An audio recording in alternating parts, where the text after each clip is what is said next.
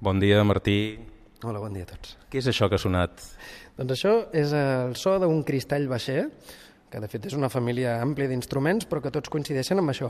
Uh, S'activen a través de la fricció d'unes varetes de vidre amb els dits mullats, no? com les copes, però en aquest cas el sistema ja inclou metall, un ressonador metàl·lic, és a dir, és una escultura pròpiament. Avui som al Centre Cívic de Trinitat Vella, on hi ha una mostra d'una vintena, no?, aproximadament. Sí, són pràcticament 20, eh, és un nombre variable perquè les més petites les guardem habitualment i quan tenim visites escolars, diguem-ne, en podem treure més per atendre a major nombre de nens i veure més nombre de, de sonoritats. Són escultures sonores, era, la definició era aquesta, oi? Sí, sempre hi ha hagut aquesta dualitat, diguem-ne, com que es pot fer servir per fer música, doncs és un instrument, però de fet els Baixer ho van batejar com a escultura sonora perquè moltes d'elles no s'assemblen als instruments convencionals i a més a més està concebut com una escultura en termes de que el so que emeten és una, una entitat etèria, eh? el so és un objecte eteri, és aire, però que s'ha definit eh, com qui defineix una escultura, és a dir, hi ha una morfologia, hi ha una forma, hi ha una tímbrica, i en aquest sentit ells buscaven noves sonoritats, per tant feien un procés diferent del luthier convencional, buscant esculpir sons nous.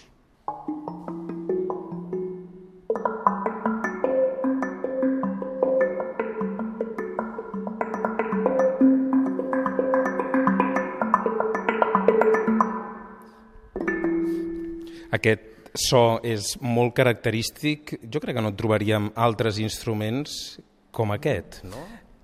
Sí, de fet, la, la, diguem-ne, la naturalesa de cada escultura precisament és trobar una combinació de materials i formes per trobar una sonoritat concreta. Aleshores, cada peça, de fet, és única.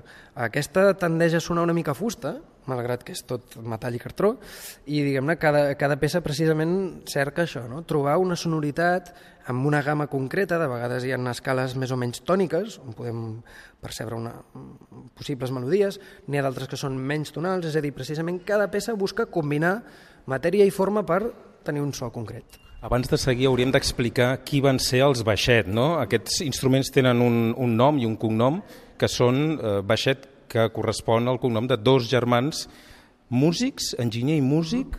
Sí, el, els dos germans, en François i en Bernard, nascuts l'any 18 i l'any 20, del segle passat, eh, eren, en Bernard era enginyer i en François, diguem-ne, era artista. Era escultor i músic músic de cabaret, eh, diguem-ne, amic de gent com Boris Vian, és a dir, aquesta època, diguem-ne, de, després de la Segona Guerra Mundial, en la qual, doncs, eh, havent, vist, havent estat a la resistència fran, eh, antifeixista, intentant, diguem-ne, millorar el món de després de la Segona Guerra Mundial, doncs van tenir una aposta molt vitalista, diguem-ne, no? de combinar els seus sabers i els seus interessos, l'interès per l'electroacústica, l'interès per l'acústica, l'interès per, pels sons experimentals, amb aquesta vocació de fer alguna cosa que arribés a un públic el més ampli possible.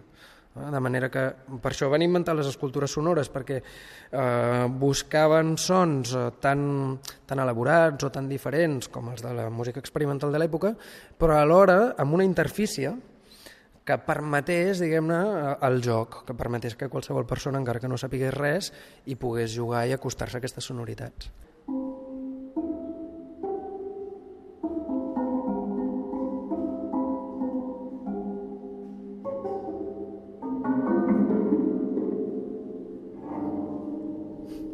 Els instruments baixet els posaríem dins la categoria d'instruments de percussió o es poden tocar de moltes maneres? Sí, es poden tocar de moltíssimes maneres i aquesta és una de les coses que nosaltres no ens cansem de reivindicar.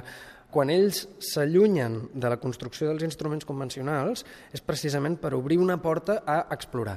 Aleshores, moltes peces es poden percutir perquè la percussió és una, una acció que la majoria de gent pot fer i fins i tot persones amb autisme, amb paràlisi cerebral, que tenen una mobilitat molt reduïda, poden trobar algun gest que permeti sonar, però en lloc de picar de vegades també es pot fregar es pot rascar. És a dir, qualsevol acció que interactuï amb, amb, amb l'escultura la farà sonar. I una cosa molt interessant a fer precisament és buscar baquetes diferents, treballar amb els dits, fregar amb arquets i a partir d'aquí anar precisament descobrint totes aquestes sonoritats. No hi ha res escrit sobre com s'han de fer servir. Això és el, el bonic del potencial d'aquests trastos. Aquesta mateixa que estàvem escoltant ara percutida, si la freguem,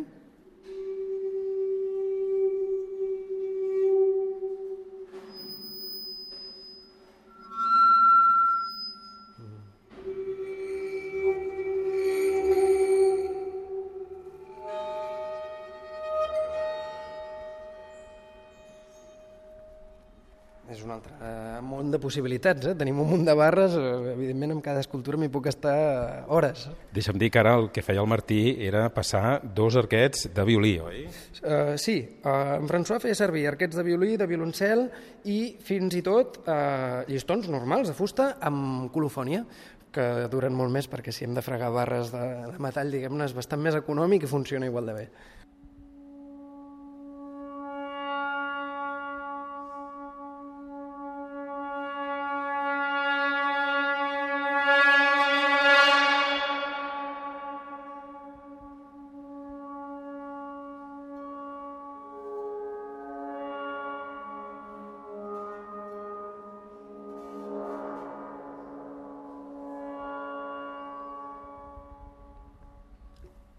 Esteu aquí, Martí, al Centre Cívic de Trinitat Vella des del mes de setembre fins ara, començament de, de gener.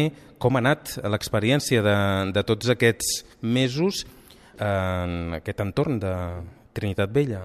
Doncs la veritat és que ha sigut un èxit. Uh, això pràcticament ho hauríem de parlar amb el, amb el senyor José, que és el senyor que hi ha aquí a l'entrada, i que veu com està venint gent que repeteixen, que han vingut un dia i després tornen, o algú que ha vingut amb l'escola i després ve amb la família. És a dir, realment l'acollida la, que té és, és fabulosa, perquè gent que no necessàriament té cap coneixement musical, uh, es troben que s'ho poden passar bé amb el so. I com que hi ha aquesta acollida, diguem-ne, doncs aquí s'organitzen uns festivals impressionants cada tarda. Per tant, poden venir lliurement, però vosaltres també heu fet visites guiades. El fet que vosaltres vingueu concertant la visita comporta que expliqueu què hi ha al darrere. Quina filosofia hi ha al darrere dels instruments baixet, Martí? Uh -huh. Nosaltres, quan fem una visita guiada, intentem precisament explicar aquesta voluntat dels baixet d'accessibilitat, és a dir, de fer unes peces que siguin inclusives, que permetin a qualsevol tipus de persona eh, doncs experimentar, jugar, descobrir els sons i alhora, ja que hi som, doncs podem parlar una miqueta dels principis acústics, eh, la complexitat del so, eh, com, per què hi ha sons tònics, tonals, amb els que podem fer melodies i d'altres que no, quina relació hi ha entre els materials i les formes. És a dir, tota l'aproximació la, analítica i científica dels vaixell també la podem explicar d'una forma aplicada, no? en cada peça i entenent-la. Aquests instruments d'on surten?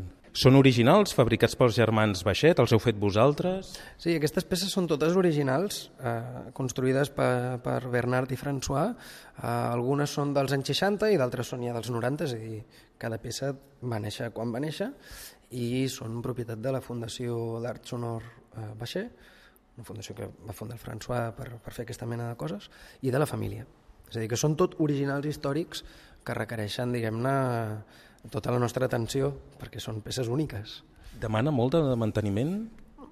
No és que demanin molt de manteniment, però clar, el fet de que pugui anar passant gent que no necessàriament sap res, doncs fa que hi hagin coses que es puguin desajustar, requereix molt menys manteniment que qualsevol cosa digital, per exemple, perquè no hi ha cap mena d'electricitat, per tant, vull dir, si una cosa s'afluixa, es torna a collar. Aquesta mostra ha anat voltant us vaig conèixer al Museu de la Música, després a Can Jaume Andreu, ara al Centre Cívic Trinitat Vella, següent etapa o següent parada? Sí, bé, això ara després de Nadal estem veient la propera fase perquè per una banda la Universitat de Barcelona té molt d'interès en aquest projecte, nosaltres hem elaborat el taller d'art sonor, el taller d'escultura sonora va ser pertany a la UB, i per tant hi ha aquesta vocació de fer alguna cosa en el marc de la UB i per poder seguir treballant amb els alumnes de màsters i grau de la UB, hi ha molta recerca a fer, però alhora cal que el lloc on estiguem permeti aquesta mostra oberta, de manera que per una banda és una exposició i per l'altra és un laboratori d'experiències de recerca en acústica, recerca en polítiques educatives, és a dir, estratègies docents, etc. I per tant ara la propera estació estem veient aquí amb la xarxa de, de centres de l'Ajuntament i amb la universitat a veure quin lloc és més adient per poder atendre totes aquestes activitats. El dia que gravem aquesta conversa ha vingut un grup, un, un grup de, de nanos de tercer de primària. Quin treball heu fet? Avui hem fet una mica d'experiment, perquè en aquesta escola ja havíem treballat l'any passat, vam construir una escultura molt gran en col·laboració amb l'AMPA i, i amb, el, amb els profes de música, de plàstica, o sigui, un treball realment interdisciplinari.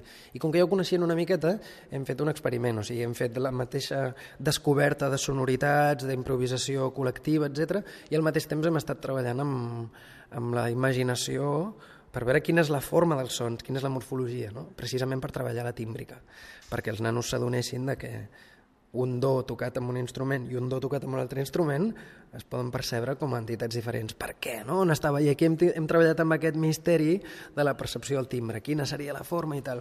Els nanos s'ho han passat molt bé, crec, eh, per les cares i la resposta, i nosaltres també. No? I això forma part d'aquesta mena de recerca que, malgrat ser molt lúdica, eh, doncs ens permet abordar qüestions sobre notació, per exemple, no? notació de sons no tonals. Abans de marxar, Martí, t'he de demanar que, que faci sonar algun instrument més. Què proposes? A veure, això és una percussió amb timbres diferents i si no hi interactues, fins que no hi interactues no saps què sonarà.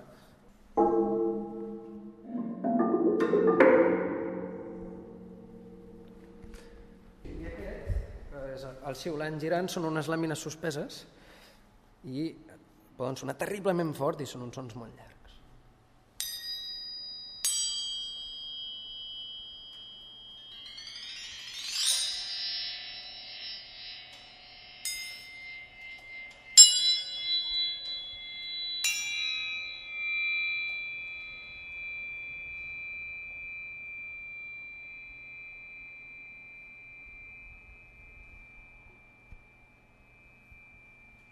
Encara ressona. Martí Ruiz, moltíssimes gràcies pel teu temps i fins ben aviat.